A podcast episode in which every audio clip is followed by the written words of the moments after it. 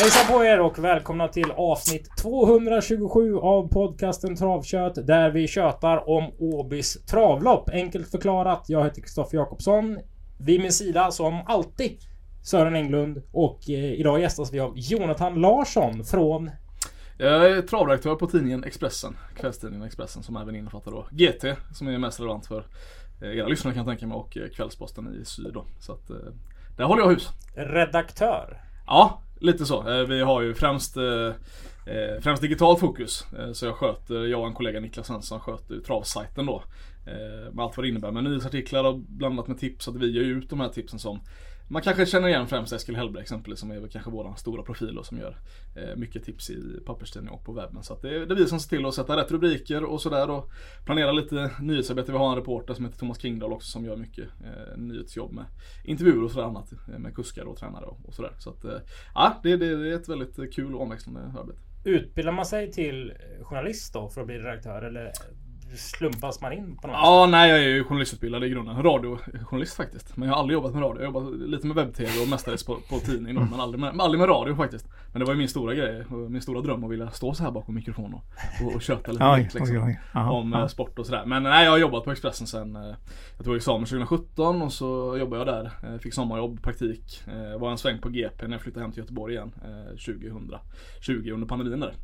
Eh, och sen är jag tillbaka på Expressen sen 2021 och sen januari 2021, det är lite drygt två år sedan så har jag haft den här rollen som trav och eh, spelredaktör men travet har ju mestadels fokus då. Så att, eh, jag är ändå, får jag säga att jag är tämligen ny i den här, eh, den här världen då så jag har fortfarande väldigt mycket att upptäcka och liksom lära mig av. av För jag känner, på slutet har man ju känt igen dig Mm. lite mer och du har varit här några gånger sedan. Mm. Men innan dess har man inte eh, sett dig så mycket. När kom liksom det stora travintresset? Eh, så här, det började ju, jag ska inte säga att det var ett intresse liksom, men min farfar, eh, alltid när jag var hemma hos honom, min farfar hade en lägenhet uppe i Nördinge i Ale kommun så eh, När jag och pappa var hälsade på honom på lördagar så låg han i sin gula skinnfåtölj. Eh, men då var det trav på TV, då var det Hans G Lindskog och Thomas Nilsson som eh, Ja, just Så det. rösterna där har ju liksom, det Ja, ekar ju fortfarande ja. så här, Victor Tilly eh, Det måste vara slutet på 90-talet någonting, 99, 2000 Ja, 20, någonstans. 2000. Ja, någonstans Ja, runt ja. där. Så Victor Tilly, liksom det namnet mår man ändå ganska bra av att höra. Så ser Ja. jag farfar där ligga. Det är liksom blocket på Blocket på, på soffbordet och han halvligger i soffan sådär och, och så är det lite hästar på TV och så Hanske Mm. och, och Thomas Nilsson. Så det, det har ju väldigt tidiga liksom varma minnen ifrån såklart. Eh, men jag, jag har varit här några gånger, var på Halmstadtravet en del och varit, eh, när jag bodde i Stockholm var eh, gamla kollegor och kompisar där som var travintresserade så hängde med en del på Solvalla och sådär och tycker det liksom är jag tycker ju spelet är ganska kittlande. Jag är egentligen ingen stor spelare. Jag är väldigt fotbollsintresserad men har aldrig varit någon stryktipsfantast. Men eh, det var något speciellt liksom med V75 och hästar. Det var något nytt för mig. Och, eh, sen gjorde jag ett jobb på GP här under pandemin. Jag var här faktiskt och hängde med Jon Walter en, en dag för att se liksom hur Just det, ja, hur du skulle, du skulle Mm. syna oss om vi, om vi Ja. följde restriktionerna. Ja men det var lite åt det Ja, hållet så här, hur det funkar det för att allt annat stannar ju verkligen. Ja. Det här har jag ju pratat om i, i ända absolut liksom. Men då, men då stod jag och hängde här och jag tror att Robert Berg körde ett lopp med power här då tror jag. Eh, Mm, och det fattade mm. inte jag det var en riktig värsting. Det här var liksom en, en tisdag eller onsdag någonting på, runt lunch liksom. Och det fattade jag sen att det var en riktig värsting. Eh, och jag tror han mötte, eh, om det var, kan det varit Aramis Bar där som tyvärr gick bort häromåret, Björn Goops. Ja, Ja, det kan det ja. varit. Och det, det, det förstod inte jag alls då. Men det fattade jag sen efterhand. Shit, det var ju liksom otroligt bra hästar. Och jag kommer ihåg att eh, Micke och Linderoth stod här och ja, man hängde så gött på någon staket här och rökte en cigg mellan loppen och så här. Nej, Linderoth röker inte. Ja okej, då var det inte Linderoth, ska jag inte hänga ut Nej, det, nej. Men det var någon som stod här och rökte cigg och det var, ja, det var ACDC i äh, högtalarna så här och det var ändå Fast det inte var någon folk på plats så var det ändå, fan det pågick ändå grejer här liksom. En, en, en- vanlig onsdag. Ja. Världen är liksom i, brinner på något sätt och här bara Ja men här är det travlopp liksom. Eh, Mm, Goop och Berg stod och skrek på varandra på upploppet där och Ja, det, det, var, det var häftigt på något vis. Så då fick jag ändå säga men det här är Det här är ju roligt. Och sen kom jag ihåg att jag satte på en del ATG live. Och lyssnade på det här med liksom jänkarvagn och barfota ryck och sådär. Jag tänkte bara, det här är ju en helt ny värld för mig liksom. Och då var du 27. Ja, 27 var jag. Hade precis liksom flyttat hem Ja. igen till, till Göteborg jag och min sambo. Eh, Så att, eh, och då, eh, ja, någonstans så blev jag liksom, ja, men nästan besatt och tyckte det var, tyckte det var det härligaste jag visste liksom så här, och, vad, vad är ett springspår och så här, vad, vad är rykt, vad är rycktussar och vad, vad är norskt huvudlag och så här. Och, jag är fortfarande inte helt säker på vad ett norskt huvudlag är om jag ska vara riktigt men man hör ju det liksom i tid och otid. Så. Eh, ja men någonstans kombinationen då med Mm. kul med liksom, framförallt med upplopp och så här, att alla lopp är unika och häftigt med hästar måste jag säga. Jag har Mm. lite halvrespekt för hästar för de är väldigt stora djur och jag har ingen liksom hästkoppling så sett egentligen. Men nej, det var en otroligt cool ny värld som jag liksom inte kunde någonting om och det var någonstans kittlande där att få, bara sätta mig in i det och det, det har väl hängt kvar sen dess. Mm, det var en härlig historia. Som relativt nyexad mediemänniska då. Travets Mm. roll i liksom vanlig media. Nu när vi har klivit in i 2020-talet. Vart tycker du den är? Ja, men jag tycker den är ganska det är liksom svårt att förklara för folk, för folk undrar alltid det om travet. Liksom vad, hur, hur ska man sätta in travsporten i en kontext jämfört med ja, fotboll och hockey är väl de absolut svåraste. Men det, det går liksom inte att jämföra. Vi, eh, fotbollen är, och hockeyn är ju välbetalda proffs och sådär. Och det, de spelar, spelar du i SHL eller i Allsvenskan så har du en månadslön på ja, 100-120 tusen. Eh, och det är klart det finns proffstränare i travet och sådär. Men du kan ju lika gärna ha en häst och liksom eh, vara med i gulddivisionen och vinna två. Alltså det, det spelar ju egentligen ingen roll. Och det, det, det är nästan svårt för mig också liksom, när jag ska förklara det för folk. Att, ja, det, man kan inte jämföra Björn Goop med Zlatan. Eller så, man kan Nej. inte jämföra en mittback i Sirius med Ja, nu säger jag Mikko Linderoth liksom. För att, alltså, det, det, är, det är två helt olika världar. Eh, men eh, frågan var hur, vilken plats den har i medlemskapet. Ja, du. alltså någonstans. Om det är sporten eller spelet eller... För det där har man ju Ja. diskuterat mycket. Ja det har man. Och sen jag kom in, eh, alltså det, det är väldigt mycket spelfokus. Det går ju liksom inte att snacka något annat om med tanke på att vi har den här ägarstrukturen med Svensk Travsport och ATG och Kanal 75 och det. Och att det, det, det är klart att det är lite speciellt. Jag kommer ihåg för några år sedan när Don Olsson körde Bridge Jumper på V75, V75 2. Jag kommer inte ihåg om det var på Örebro eller någonting. Mm.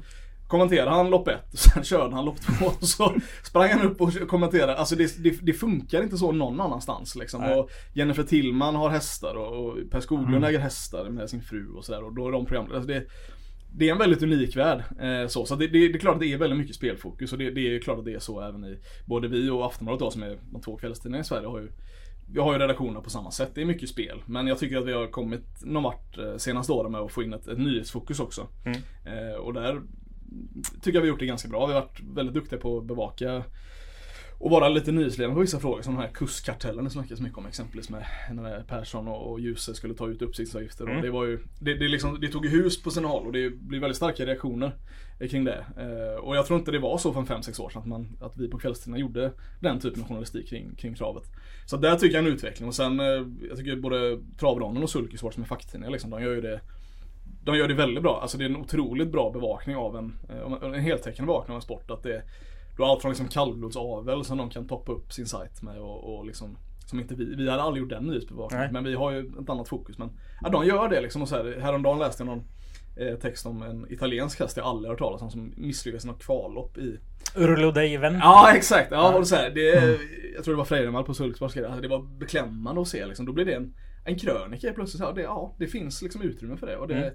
det fascinerar på något sätt. Eh, tycker jag verkligen. Så att, jo, travet har en, en ganska stor del. Jag tycker det är en väldigt alltså, en välbevakad idrott. Eh, och ett välbevakat universum. Sen går det alltid att göra bättre saker. Men jag tycker den står sig väldigt bra. Det är viktigt liksom för kvällstidningar just Aftonbladet och Expressen är det en väldigt viktig, ett viktigt ben eh, Mm. i bevakning. Så att, eh, väldigt trogen, trogen läsare och lyssnarskara. Då kan vi ju inte säga att ni är kollegor, men Sören, du har ju din...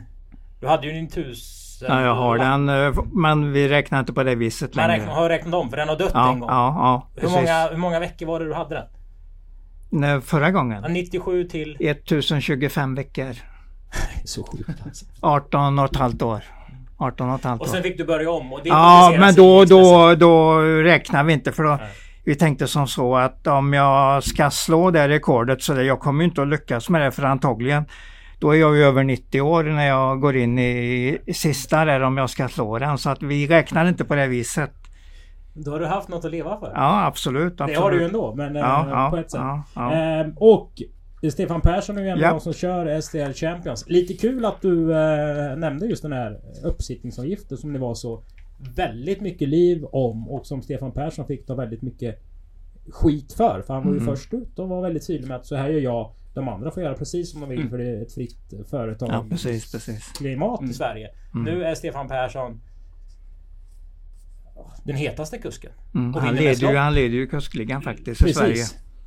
Så Eh, det är och, ju eh, oväntat bra resultat. Jag hade han faktiskt på linjen i, i morse. Och Ja, gick ja. eh, eh, igenom lite saker. Ja. Och då sa han att eh, han var ju med sist vi hade gäst. Ja, inför exakt, exakt. Ja. Och eh, kanske inte rådissa. Men han var ju rätt så tydlig att Eroin Darling inte Ja. var något för vinnarsppelarna den tävlingsdagen. Nej, okej, okej. Den vann ju till 40 gånger. Ja. Sen har ju det varit typ vinterns häst. ja, den är jättebra. Eh, och är ja. ju... Ja, han sa att jag tror inte det är tre ston i Sverige som, som är så mycket bättre. Nej, det kan, Eh, så den har kan så verkligen haft en brant kurva. Så att det är så här travkött-fenomenet. Så Mm. efter det här Jonathan så kommer du skär- skörda ordentligt på allt inom travsporten. Ja det låter ju otroligt. Men det är starkt att du tar cred för Henry Darlings utveckling, det får jag säga. Ja. Det är, jag gillar ju ändå den svansföringen. Mm, mm. Välkommen till Travkött. Ja. Tack. Vi ska snacka om eh, lopp nummer ett. Vi börjar på sidan 18 i travprogrammet. Det är ett Montelopp. Sören, du får Ja. börja med din vinkel. Eh, jag tror ju mest på nummer sju Brett Roe. Det enda jag är lite grann eh, tveksam till det är att den har så låg prissumma mot de andra. Så att den är ju hårt inne i lappet. Men den är gynnad av att det är autostart nu för att den är dålig i volt. Det var därför den inte vann. Eh, in, för att den inte kom till ordentligt senast för det var voltstart. Den tre var våldsamt i starten. Men gjorde ett starkt eh, slutvarv och var tvåa på ett riktigt bra sätt. Så det var formtecken på hästen. Så jag tror att han har bra chans. Men jag måste ha med nummer fem Country Sound som vann fem av sju i fjol. Och är på väg in i form igen här. Stark efter galopp senast på Solvalla. Så att den håller den sig bara frisk och fräsch så kommer den att gå långt i år också. En riktigt farlig outsider kan vara nummer nio High Love Tech som gör första montéstarten idag. Du Eller- släpper inte den? Nej, absolut inte. Det är en jättebra häst. Oj. Den, den, är, den är fint stammad och eh, ja, de där, de där hästarna går fint alltså. Ja, jag tror den kommer att gå riktigt starkt. Det var väl mina tre bästa i loppet i alla fall. Mm. Det här som du hör nu Jonathan, att hästen står tufft inne på pengar. Ja. Är det någonting du har reflekterat över i din travkarriär så här långt? Eh, alltså jag känner till begreppet. Jag, det är också en sån här begrepp som jag liksom fastnar för. Vad, vad innebär det att stå tufft inne på pengarna liksom? Men det, nu vet jag ju vad det innebär. Så jag tycker det, det är ett ganska gött uttryck. Jag blir fortfarande lite, lite glad när jag hör det. Hur ser du på loppet då? Ja. Med eh, startlistan framför dig? Ja, alltså så här, som sagt, Monté är liksom inte, det är inte min expertis. Det kan jag väl säga. Men jag, så fort jag ser Jonathan Carré på en häst i, i Monté eh, så, så är det väl ganska givet att ha med den på lappen i alla fall. Och Mika Hapakangas har ju, alltså vilken tränare, vilken succé liksom, karriär han har börjat få också. Eh, så det, det känns som en jätte, jättehärlig uppsättning och tror inte man ska spela utan kanske rent av en, eh, ja, ett bra vinnarspel skulle jag säga. Mm. Eh, ska ta någon annan häst. Ax- Ax- Axel Ek har ju kanske inte den roligaste raden där. Det är rätt mycket nollor i den. Men eh, har man vunnit 9 av 51 lopp så finns det någon slags vinnare. Eh, ja, vinna, vinna Geist helt enkelt där i. Och eh, Sofia Olsson Jakobsen är väl ingen, absolut ingen dålig ryttarinna. Så att, eh, Absolut inte. nej, de två eh, sticker väl ut. I Bra. min bok kan jag säga. Bra grej att ta med sig det där. Även om det är dåliga resultat på slutet så är just segerprocenten, eller totalt antalet segrar kontra antalet starter, den ljuger ju aldrig. Nej, men eh, nio segrar på 51 starter är ju inte speciellt högt. Nej okej, det Det är ju inte ens 21, inte var 50 klarar den ju inte ens. Så att det, men- den statistiken är inte så riktigt vass alltså. Det är Fast den inte. Rod har en på 18 som du hyllar.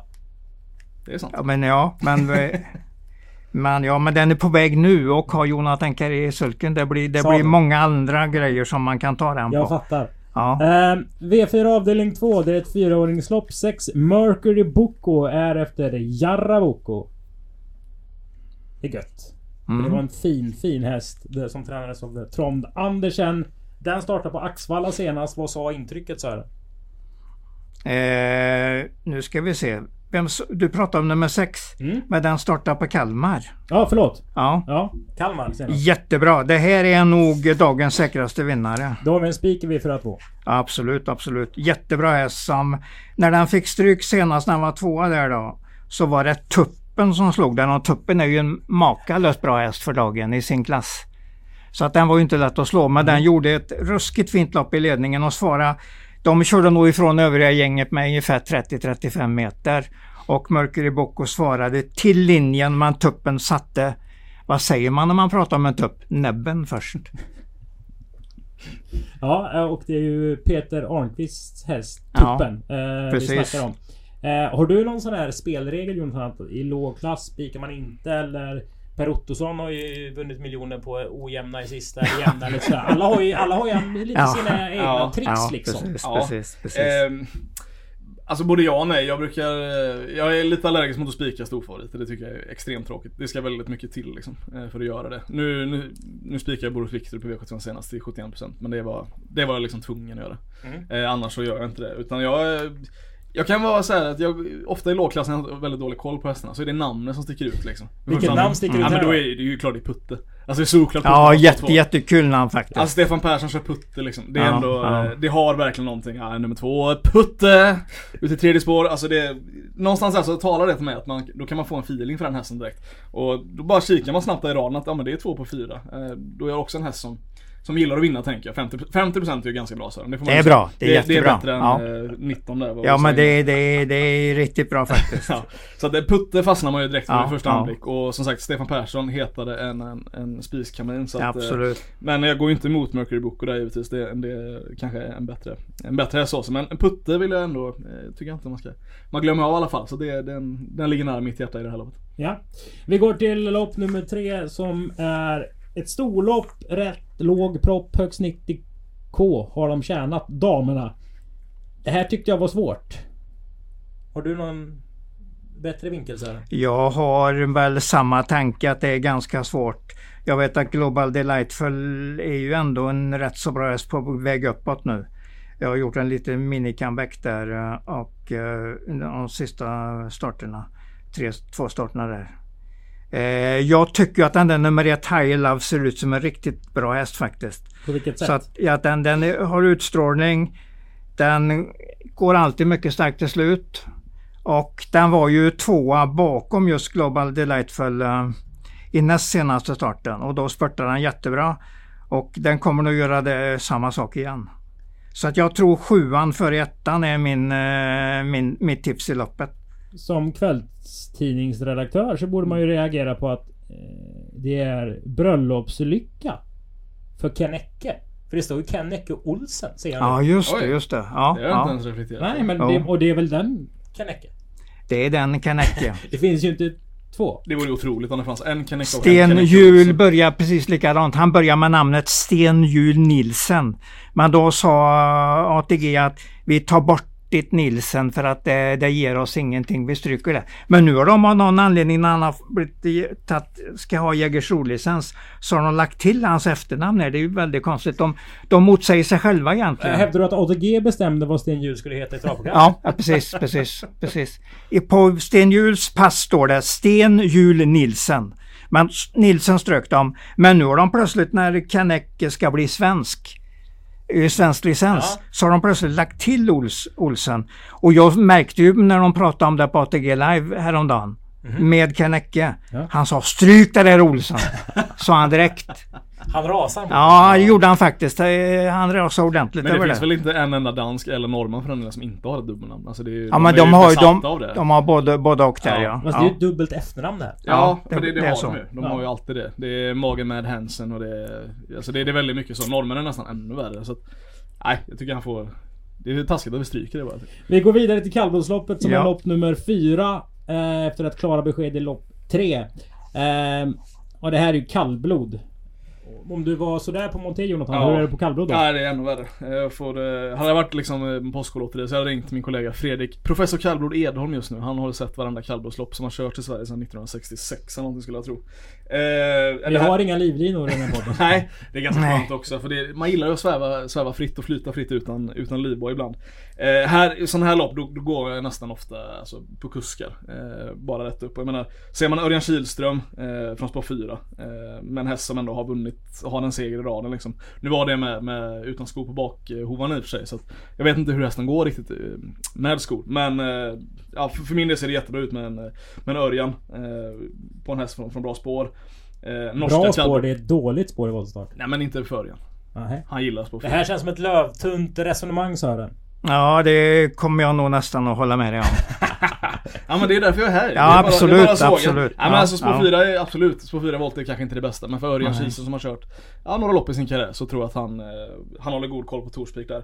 Eh, Faxeling, alltså norska kallblod, eh, tycker jag ofta gör det väldigt bra på svensk mark. Så att jag, går, jag går på Örjan och, och Goop där. Det är lite tråkigt men, eh, Mm. Men man måste kunna luta sig åt dem ibland också.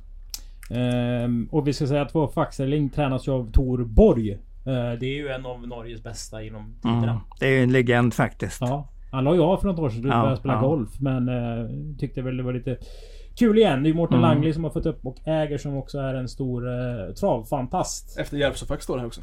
Bara en sån sak. Morfar ja. Ja, Ja, precis. ja. Ja. Eh, så den har ju stammen i ordning. Du, eh, om vi lägger in din analys i loppet så är det vart landar vi då? 2-4 säger Jonathan, vad säger du? Mm, då säger jag fem. Briskelipilen. Var jättebra när den vann näst senast. Och den är kanske inte helt säker, det ser vi ju i raden här. Men eh, Jan Roar Mjölnerud är ju en riktigt bra i kallblåslopp och har ett bra kallblåsstall. Han har nästan, jag tror han nästan bara har kallblåshästar Kallblås, i, i träning. Och han lyckas ju fint med de hästarna. Och han har ju sen, självklart sett att det är ett kallblåslopp på Åby den här veckan. Så att då vill han ju gärna åka hit och försöka klämma åt sig de här 100 000 som det är i första pris. Jättebra eh, vid segern som sagt. Eh, gick till ledningen på första bortre långsidan. Jag tror han vann med en 30-35 meter någonting. En, en häst till som var väldigt stark senast, det var nummer 14, Ask-Viktor. Det var ungefär samma när Jorma körde den på Färjestad. Det var ungefär samma avstånd ner till tvåan. Det var närmare 30-35 meter.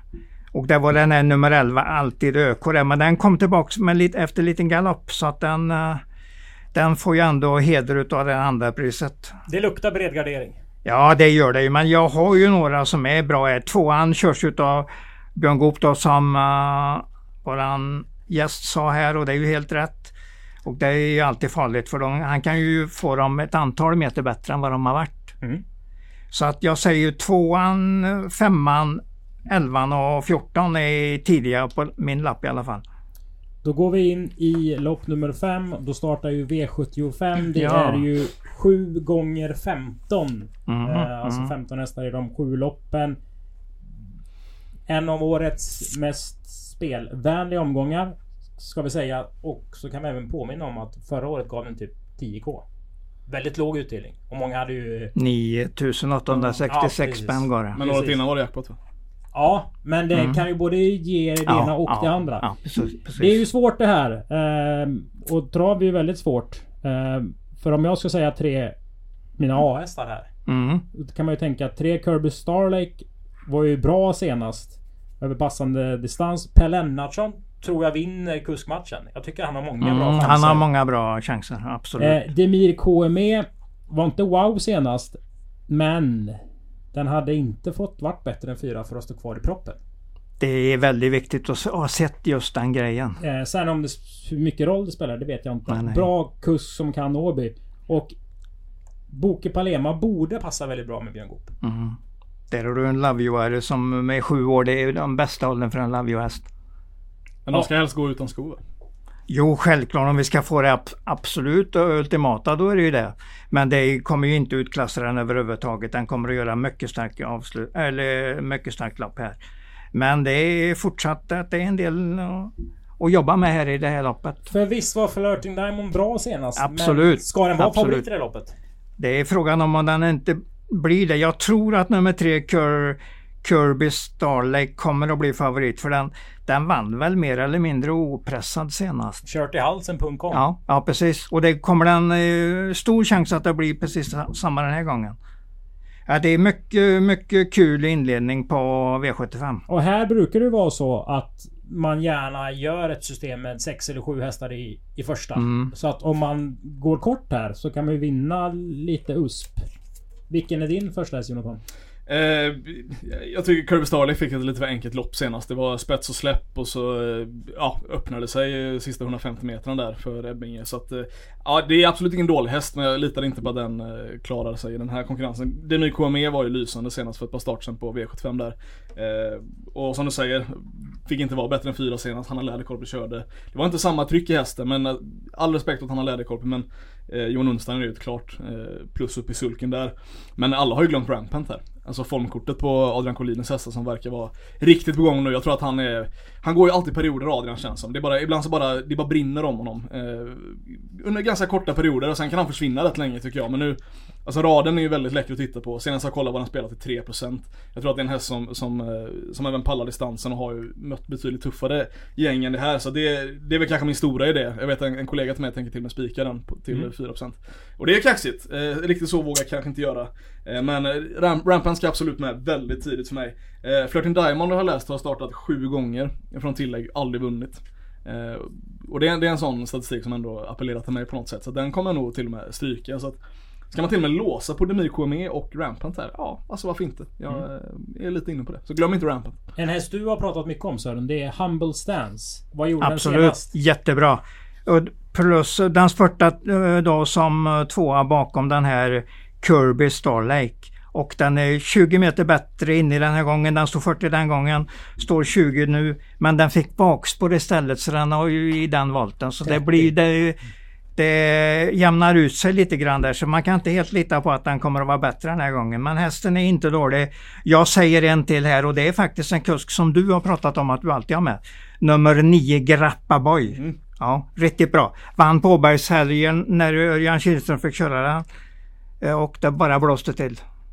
Och, det, och den har gått i derbymatchning sen och varit så där liksom varit nere i källaren lite och på väg uppåt igen. Nej, den, den kommer att göra jättebra lopp eh, på lördag. Mm. Slaskar man lite, 13 Triton kanske också hamnar på 4-5%. Ja, Riktigt jobbig häst alltså. Den kommer jag sprack på här senast på Åby. Den är svår att komma rätt. Ja, riktigt svår. Alltså grundkapaciteten finns ju men en väldigt ojämn prestation. Men eh, känns, känns inte som att Adielsson kanske inte är i sitt livsform heller riktigt om jag ska ärlig. Men eh, nej, livs, livsfarlig att spela utan. Helt klart. Eh, jag tror han är sugen på att vinna lopp Erik. Tror du? Mm, gjort det. det tror Han har jag. haft en paus i januari och Ja. varit Mm. tvåa någon gång på Valla tror jag. Ja. Men vill sätta dit något helt enkelt. ja. V75 avdelning 2. Det är inte omgångens lättaste lopp. Säger jag. Vad säger du Sören? Nej, det håller jag med dig om. Men jag tycker nog att du har kommit ganska rätt när du sätter nummer ett i Dislav där man från nummer ett, Örjan Kihlström. Det ser ut som att han kommer att få ett väldigt bra lopp. Men det är ju 14 hästar till i loppet så att visst är det loppet svårt. Är det någon bra häst med? Ja, nummer 13 InStyle har ju rätt så bra meriter med sig och börjar på att komma igång nu och har en betydligt, och då kan jag säga som så här att förra gången han startade så var det hästar som hade 800 000 i loppet och de var etta och tvåa. Mm. Det var Love No Pain och eh, Olga Utka som var före, eh, som var etta och tvåa i det loppet. Och den var den rådde inte riktigt på dem när den skulle speeda i det loppet. Men den går ner i klass nu, kommer ut ordentligt med springspår i 20-volten. Så jag tror att vi får se en betydligt bättre InStyle. Framförallt är det ju inte hästar som har mycket högre prissumma som kommer att anfalla den. Kommer den rätt till här, det säger tredje utvändigt och slår lite före de andra som kommer bakifrån så kan den se fin utvändigt. Jo men springspår i, i 20 volten och få en bra start där. Det ska den möjligtvis kunna klara. Men det kan lika gärna vara fjärde utvändigt. Eller sjunde. Det, nej, absolut inte sjunde. Nej, men alltså den kan ju få sjunde. Ja, ja, det kan den. Den kan få nionde utvändigt också om den har otur. Men det kommer den inte ha för den kommer att se jättefin ut runt första sväng. Och kunna köra till sig, köra till sig eh, positionen. Okej, 13 in style, ditt drag i loppet.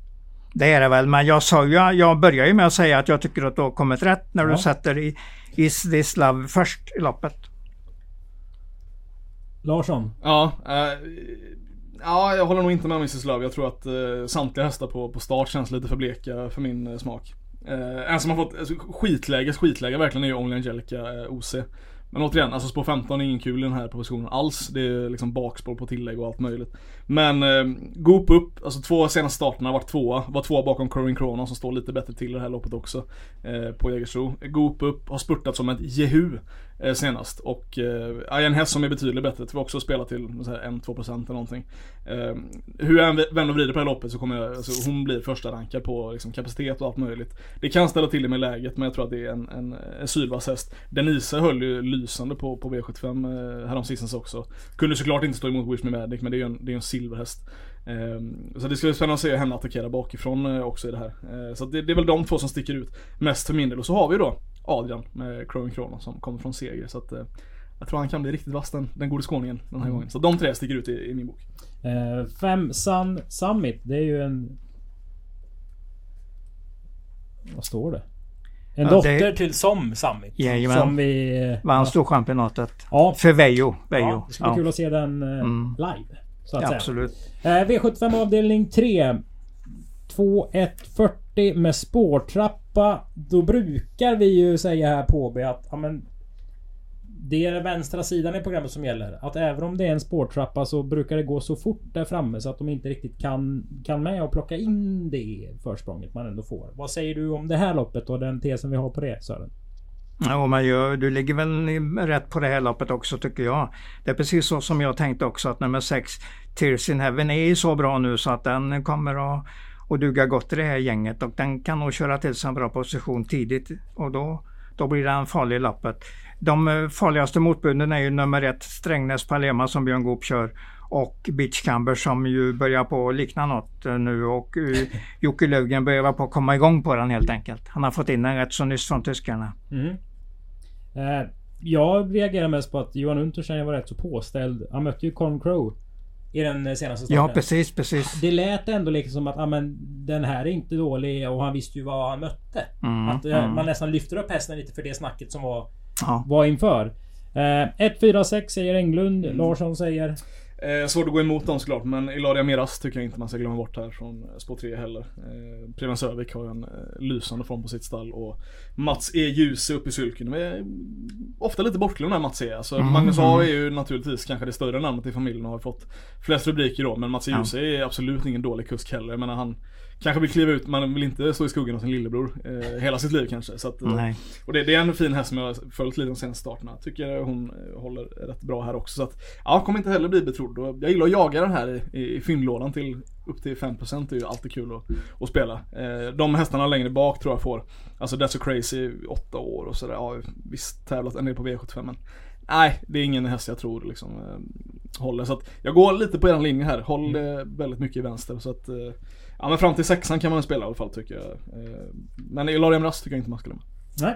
Vi går Vi hade ju exklusiv JM där också Ja, i det måste vi loppet. nämna. Ja, Eh, ja. ju- Då har jag i alla fall nämnt den vid namn. Det är en kulthäst. Ja, absolut, absolut. Eh, men man måste ju också konstatera, alltså det är ju väldigt svårt att bli framgångsrik Alltså en sån här omgång med att spela spiklöst. Ja, Det går nästan inte. Och spel, du måste chansa på Ja, något, man måste någon ha spik. någon Ja, spik och då, ja, då ja. får man kanske liksom ändå börja sitt V75-tänk och, och ha lite mindre grupper och sen analysera Ja, därifrån. För omgången känns långt ifrån liksom som att det, kom, det kommer inte landa i någon jätteklar favorit. Nej. Det är rätt så ovanligt på V75. Men vad kul att jag har mitt eh, spikdrag i den här avdelningen då. Som Ja, du- kliver in i. Då får du... Ja, då får du börja med det. Kuppar jag fräckt in här. Då, då gör du det, gör du. Jag börjar Ja. låta väldigt tjatig nu men eh, nummer 6 det är Igel. Eh, Björn Goop tränat, Björn Ja, Goop ja. kört. Eh, gjorde bort sig med galopp eh, senast där men då var det Jeppsson som körde och jag tror att eh, Björn Goop eh, känner hästen lite bättre med tanke på att det är eh, hans egen häst och sådär. Eh, få, få ett bättre, bättre start också. så två är ganska bra i volt och jag tror att den kommer kunna gå iväg ganska lugnt. Eh, jag tror Björn Goop får välja lite själv var han vill sitta. Eh, det finns stretch att tillgå också. Eh, som jag läser loppet så, så är det absolut den bästa hästen i, i det här fältet. Och, ja, jag tror Digel har en väldigt, väldigt god chans här. Och i, i ett svårspikat lopp så måste man sätta den någonstans. Mm. Och då, eh, då, då väljer jag att sätta den här helt enkelt. Han kommer lösa det oavsett om han hamnar i ytter eller kan gå spårsnålt heter det. På innerspår och välja stretchen. Så att, eh, nej den var inte favorit senast jag såg heller riktigt. Så att eh, den, den blir mitt stora, min stora idé den här. Då får du motivera garderingslappen Sören. Mm, då säger jag att nummer ett, Osak eh, Vivantes är bra i ordning och Pelle Annarsson har ju lite bra chanser i den här V75 Champion. Och nummer fyra, Sans Exciting. Som Rickard N Skoglund, som jag ju gillar väldigt som kusk. Och den hästen, här dyker han upp på en som har vunnit 6 utav 11 och kan köra till sig ett fint läge ganska tidigt i loppet. Så att eh, de känner jag ju en hel del för. Sen vet jag ju att nummer 11, Dynamite Sensation, satt fast med en hel del senast. Och det kan ju eventuellt eh, få bruk för nu då. Den Den, kommer nog bli favorit. Känns det som. Dynamic Sensation. Ja, med springspår Jeppsson får Ja. hästar på start. Här har han ju liksom bättre förutsättningar att hitta tredje ut än vad Istislav har. I och med att det är Mm. Tredje ut är viktigt. Det är väldigt bra position. Är det din favoritposition? Om man står med tillägg så är ju den Ja. eh, positionen den intressantaste att komma åt. Spika favoriter kan man hålla sig ifrån nu tycker jag. Det, Mm. det är för tråkigt. Eh, Men eh, då har vi liksom två eh, sidor av myntet. Jaha. Här är det väl lite mer skiktat mellan de bra hästarna och de lite sämre hästarna. Ja, Man behöver inte ta alla. Ja, på en bred lapp kan man nog fundera och ta alla eller mycket, väldigt många i alla fall. 10 plus säger jag. 10 plus utav hästarna. Vi går till V75. På garderingslappen alltså. Ja, ja, jag förstår att det inte är spiklappen. Nej, nej. Vi nej. går till V75 avdelning 5. Och det här är ju eh, lärlingarnas upplaga av STL Champions. Och här finns det mycket att prata om. För här har vi sett hästarna en hel del på Åby. Till att, till att börja med. Några av dem på slutet ordentligt. Om vi börjar med dig då Sören. Får du kort sammanfatta de senaste insatserna. Då börjar vi med fem Devs Donator. Eh, då ska vi se, den galopperar ju eh, som slagen i strid senast då. Så att det var, ja. Den, Den var ser lite tung ut alltså, det gör den. Den kan behöva, den har gjort ganska få starter nu efter lång vila. Är ju naturligtvis en ganska bra häst så att Mark Elias kan ju, eh, kan ju pappa Lugauers, uh, Konrads eh, hästar. Så att det, Mm. det, det ska man kunna klara, ge den i alla fall ett bra lopp. Sen om han vinner det är ju en annan sak för här, det startar ju nästan en kanonhäst i det här loppet, nummer 10, Beauty Smart Face. Det är ju en riktigt bra häst. Den kommer att dyka upp i något av fyraårsloppen för Stona under året. Om den, den har varit lite skadedrabbad eh, under hösten men den, de är nog på väg och den har vunnit båda sina lopp i år. Så jag räknar med att den har börjat segrarna igen. Men här måste du ändå tala emot några av dina regler. För det är ston mot hingstar. Det är en Mm. nybliven fyraåring. Som ska gå ut över 2 och 6. Ja. Alltså det finns mycket i den där korgen som talar... Nej, det går inte. Nej, nej men absolut. Den kan mycket väl göra ett jättebra lopp och inte vinna ändå. Men det finns en hel del i den så att... eh, hästen mycket till och med. sikt, mycket, absolut. mycket, mycket, mycket den här hästen. Den kan mycket väl vara med i både Storchampionatet och eh, Drottningens pokal. Och tjäna en del pengar där. Och de hästarna, de, de bryr sig inte om att de möter hingstar. På väg uppåt i klasserna. De är så bra så att de... eh, Om vi plockar de där eh, 10-15 bästa i den kullen. Och det, det kan nog mycket väl finnas. Det gick sådär med den korta sammanfattningen av varje Ja, häst där. ja. Men det var inbördes möten. De var med i samma lopp. 9 XY Diamant och 14 Ja. Love Louis Schermer senast. Ja. Vad fick du för intryck av bägge två? Eh, ja, XY Diamant hängde väl med ganska bra. Inget extra? Men nej, inte, inte sådär som jag tog till mig den ordentligt. Eh, Holländaren nummer 14, Love Louise Schermer gick ju bra. Men den var ju spets direkt. Det kommer ju bli ett helt annat lopp den här gången. Och kanske en av favoriterna. Nej, då kan jag ju tänka mig att den kommer nog inte att vinna. Fabro Melker, mycket bra efter galopp senast. Har ju sett ut som en riktig formhäst på slutet. Och sen kan jag släppa en annan rolig statistik i det här loppet. Det är en häst som har vunnit på 2,6. De andra har inte vunnit. Nummer 8, Walk of Life. Har vunnit på 2,6. Hur många hästar tar vi i garderingsgruppen eller A-gruppen? Mm, I A-gruppen eh, chansar jag ju på nummer 10, Beauty Smart Face som en U-häst. Mm. Så att då blir det den. den. Sen ko- kommer jag ju då på garderingslappen ha med 14-15 tidigt. Jag kommer ha med femman tidigt. Jag kommer ha med åttan på- på grund av att han är den enda som har vunnit. Sen eh, nummer ett, Kung Karl Autriche, jag är långt ifrån klar med. Om jag tror att den är bra eller om den bara är ljummen så är det lagom ljummen. Jag vet ärligt talat inte. Jag är inte, jag är inte klar med den bedömningen. Nej. Eh, Jonathan, hur ser du på loppet? Nej, alltså Sören tog nog alla hästar som jag hade tänkt ta upp också där. Så jag, jag känner mig ganska nöjd med det. Jag, eh, jag håller med om kung Karl och Trish där. Det var det jag tänkte tillägga också. Henriette Larsen tycker jag blir väldigt underskattad. Allt som oftast när hon sitter upp. Särskilt bakom JohanUndsteins hästar. Så att eh, det ska bli jättespännande att se den. Och namnet går inte av för hacket heller. Det måste vi, det måste vi vara ärliga och säga. Nej, det är roligt. Det Eh, är Det roligt. är, det är som sagt, det är lite min grej. Så att det- Ja. resten tycker jag, alla de som Sören var inne på här tycker jag sticker ut. Och som sagt, Beauty Smart Face ska ju bli otroligt kul att se. Och även Love Louis Schermer, den raden ska man inte heller bort. Och alltid spännande när holländarna kommer tycker jag. Eh, Det är ju något där med att de tjänar ganska lite pengar, ofta står väldigt bra inne i klasserna de kommer till Mm, Sverige. Det har vi mm. sett prov på. Särskilt ofta i början på den tycker jag. Eh, mot hösten så brukar de ju hittat rätt och sådär. Men eh, kanske mer till svenska mått då. Men ofta när de kommer på, i början eh, av säsongerna så brukar de ju vara sådär busbra. Så att, Man ska ta dem tidigt. ja men så är det. Så är det. Nypa dem fram till augusti ungefär. Sen... Eh, Och nu, nu blir det lite gissningsbetonat här från min eh, sida. Men Mhm. Gustav Johansson är ju och kör fort hos Rick Ebbinge. Ja, Som bra, bra. körde de bägge holländska hästarna, Louis Schermer Ja, och ja. Kirby Starlick. De har ju stått kvar och då antar jag att de har stått hos Ebbinge med Mm, första mannen hos Rob T. Flechar. Thomas Boos som liksom har tagit hand om det Ja, här. just det. Rimligtvis lär ju Gustav ha vetat om det här. Att den här hästen ska starta i det här lärlingsloppet för rätt så Mm, lång tid mm. sedan. Om Kristoffer Eriksson var väldigt tidigt ute och hade haffat Gustav. Eller om Gustav valde mellan 10 och 14. Här blir de inte lottade eller? Som Nej. vissa. Alltså du nej. kan, du kan bli lottad men Ja. Mm. det är också att eh, du kan få köra den här hästen som, som du, du blir önskad på helt enkelt. Eh, det hade varit lite märkligt och ändå är lärlingar om Mark Elias inte får köra Devstonator om han skulle jobbat där. Eller Ja, eller- då har du... precis. Det är en poäng. Så det finns ju lite eh, sånt där, där bakom. Men Bjuder Smart Face kapaciteten, där är vi nog överens om. Det måste vi nästan vara. Ja. i- Den hade ju en skadeperiod under hösten då. Det var ju lite tråkigt för det fick ju inte utvecklas ordentligt då. Men då hade den dels stått i en helt annan klass. Säg att han hade dubblat sin prissumma med en stark höst. Så hade den ju inte varit med i det här loppet. Nej. Vi går till V75 avdelning 6. Det här är ett storlopp där magkänslan jag fick var att de som står 40 står rätt billigt inne. Varför tänker jag så sen? Ja, att de eh, kommer jag i några längder att plocka upp när det sista varvet börjar.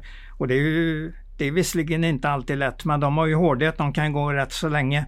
Någon får ju- får ju göra jobbet och de andra åker med lite bakom och de kan ju vara gynnade de som, de som kommer bakom där då. Så att det de är bra inne i loppet helt klart. De kan vinna alla tre faktiskt. Men det låter som att har ett män på lager. Ja, jag tror ju att nummer 6, Sola Love, är en häst under riktigt fin utveckling här. Och nu läser jag ju direkt spets och, spets och slut. Det är ju så lätt att se det så det är ju inte klokt. Sjätte spår på Erik Adiasson. Det finns nästan inte i boken att han missar spetsen här. Och då också på väg uppåt i form. Ny hos Thomas Mattsson. Debuterade i den regin senast och vann från spets ganska enkelt. Och Vad var ska det för lopp? klart. Det var billigt lopp, självklart. Men den måste börja någonstans och då har den i alla fall känt på tävlingen. Och ja, Och hon gick väldigt bra över mål alltså. Det var ett ja, ja otroligt det, intryck på det, det, det är fint att se just det där när de går ordentligt genom mål. Det är lite solskenshistoria här för den köptes ju till eh, hästägaren där, Fredrik Gustafsson. Ja, Eh, okej. Som Fölmer. Ja, Den ja. var liksom klar med, med karriären. Nu går den ut och kanske är... Det blir ju en tacksam häst att spika också i och med att den kommer rätt så sent i omgången.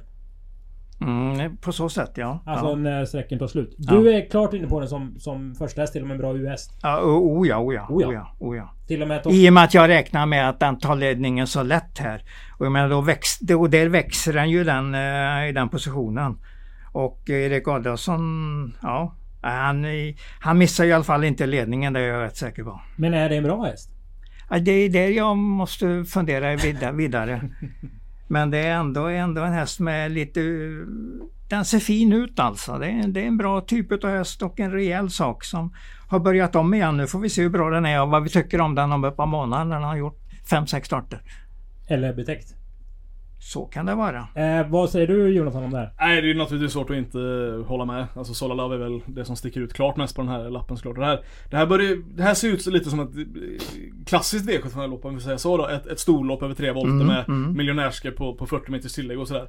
Eh, Då har jag lärt mig från eh, vårt statistikorakel Jens Sjödén som vi har på Expressen Ja, att eh, ja. de här hästarna på mittvolten, Glufsvolten, de kan man alltid stryka. Jag tror de har vunnit, ja de vinner kanske ett lopp per år därifrån. Så att där brukar jag nästan alltid bara sortera bort. Jag brukar ofta stryka dem. Och då tittar vi här, vad har vi på, på första? Och det är ju Solo Love, gi- givetvis. Men här bak, Orlando har ju gått, eh, Fredrik Wallin har ju varit nere i Frankrike med den hästen och tävlat på. Det är alltid, alltid lite svårbedömt när den har gått i både Monté och den har gått i Sulky. Mm, men mm. vi ser ju ofta på hästarna som har startat på här också under både december och januari ganska frekvent. Så den, den bör ju inte ha tappat formen, skaffat sig hårdheten pratar man ju alltid om att hästarna gör nere på Vincennes och sådär. Eh, så det ska bli jättespännande att se Orlando. Senast jag kollade var den väldigt lågt spelad också. Och det är den hästen jag håller, håller högst utav de här längst bak. Så att, eh, Orlando tycker jag inte man ska glömma bort. Spår 15 låter inte så kul men alltså Magnus A. Djuse där kommer flygandes bort vid korvkioskerna sista 250. Då blir ju inte jag jätteförvånad i alla fall. Ehm, och så kan jag ha lite platsspelare också. Raja-Maja, en väldigt stabil häst. Per Lennartsson som du Mm. har eh, hypat upp väldigt mycket också är väl den som Mm, mm. sticker ut mest av de här bakom Sola på start då, så att Ska man spela en lite så här trio eller komp här så tror jag att det är de här tre hästarna man kommer ganska långt på i vilken ordning man nu än vill ta det. Men vill man gå för pengar så kan man gardera Solar med främst Orlando då. Men det är absolut ingen dum spik men jag tror att av den anledningen som ni sa att den kommer ganska sent. Det är sjukt svåra lopp innan. Eh, hon blir lite överspelad tror jag, men jag ska ändå ta den aspekten med också. Men eh, god segerchans är det, kanske den bästa omgången. Bra uttryck tyckte jag. För mittenvolten i ett lopp med tre volter. Mm, jo, men jag- Plusvolten. Mm. Ja, ja, ja, precis, precis. Men han nu tar ju bort då Juni Rapida som vi vet är väldigt bra. Den kan vi egentligen vinna och slå alla sådana här. bra? Ja, det är den. Okej. den. eh, Om den sitter i rätt ryggar och man ser ju så kommer ju ge den ett jättebra lopp. Och sen har vi ju även den där Sunny Bell. Det var en av de två hästarna som vann den här omgången i fjol. Mm, Den, den andra var Strong Heartbeat. Jag är inte jätteimponerad av Sannibel när hon har startat lite Nej. längre bak nu senast. Hon var Nej. grym när hon kom fram och fick stå på, på främre. Men just när hon har Absolut, attackerat bakifrån så är det inte samma häst riktigt. Det, det tycker jag ofta man ser de här, i just den här proportionerna med, med sportrapp. Eller eh, med, ti- med tillägg och särskilt i stor Mm, att De hästarna som ofta kan komma fram och vara jätteduktiga men så fort de hamnar lite längre bak så ja, Det är en annan grej att attackera bakifrån och tar nog lite tid för, för yngre hästar att lära sig det tror jag. Mm, eh, jag kan säga så här. Jag, Stefan Persson, när vi pratade i morse. Ja. Hon är väldigt rask iväg i volt, Nina Ginto. Hon kommer äta upp i alla fall 10 meter väldigt fort. Mm. Han tyckte hon gick ner rejält i klass. Eh, Sen la han även till att ett Lilo Love körde jag jag ju senast. Den var verkligen bra i ordning. Den, är- den är bra, Jag har absolut ingen bra. aning var den hamnar sträckmässigt. Men Westholm har ju lyckats den här tävlingsdagen. Han vann ju Mm. 2020 vann han ju hela tävlingen. Ja. Och det- är lite eh, Melby Ivy. Då hade han ju spår 1. Ja, ja, eh, och, och redde ut det där. Så att... Eh, Westham är ju så arg för att han inte får gå på galan heller så han kommer bara köra så det ryker med Lilla säkert. Så det, det, det kan gå undan. Han hem till Sala. Ja, jag kommer nog gardera Sola Love. Eh, men det är vi inte riktigt överens om i alla fall. Ja, US då, då jag garderar ju inte som eh, på den lappen men i garderingslappen har jag ganska många hästar. Två hästar slåset hittar vi i V75 avdelning 7 säger jag. 6 Indigo och 7 Yank Summerland. Det ena 7 Yank Summerland får vinna om man ser till streckprocent. För 6 Mm, Indigo ja, blir väl första absolut. hästen. Jo, det blir den. Det blir den. Inget snack om det. Men Spetsar ju från bakspår när eh, Thomas Dahlborg körde den näst senaste starten. Så då ska ju Per Lennartsson kunna sätta den i spets från springspår i det här loppet. För den, eh, och nu står den ju ordentligt på start här. Så att det, den måste väl vara mycket klar första loppet. Men ändå många formmästare emot. Som i de flesta lopp här under dagen. vilka formhästar ser du? Mm, ja, nummer åtta till exempel. Den såg ju vansinnigt bra ut senast när den vann i spets. Ja, Ja just det. den, den Han såg, sträckte på sig riktigt fint. ja, där. riktigt otroligt- bra, riktigt bra, insats. riktigt bra. Och så Björn, upp, Björn Goop upp på detta. Det blir intressant. Och sen får vi se var nummer ett, Princess Kloster, får för position.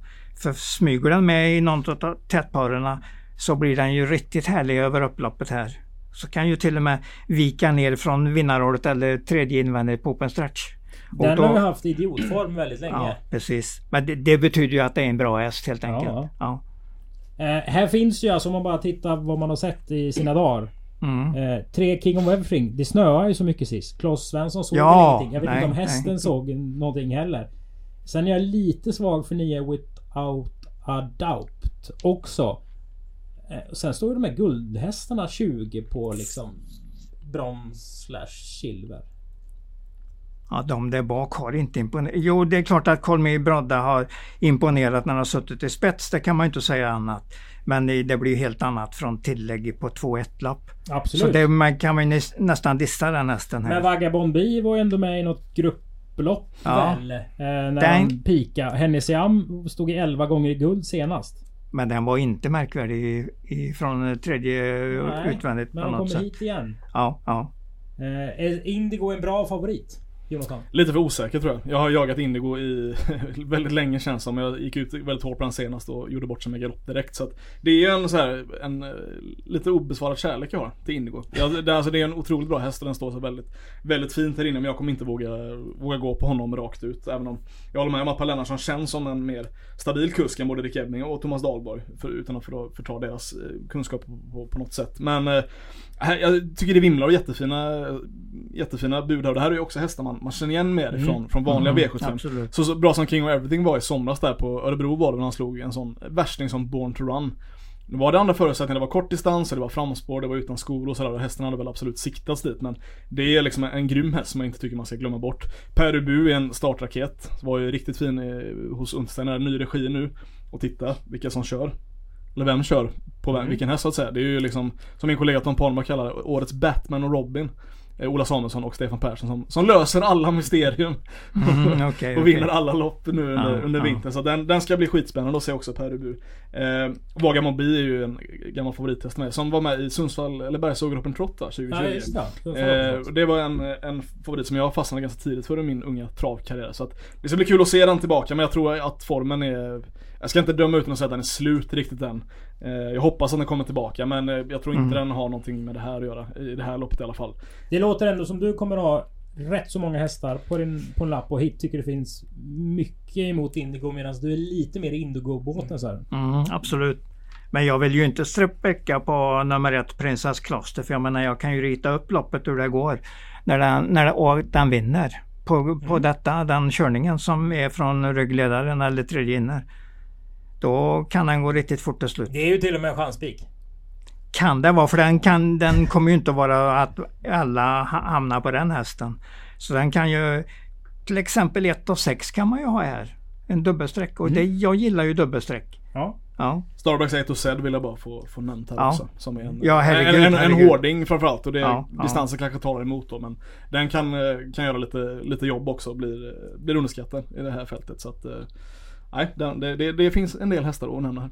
Och innan vi knyter ihop säcken då ordentligt och herrarna ska få presentera tre stycken eh, spel under dagen så går vi till lopp 12 såklart.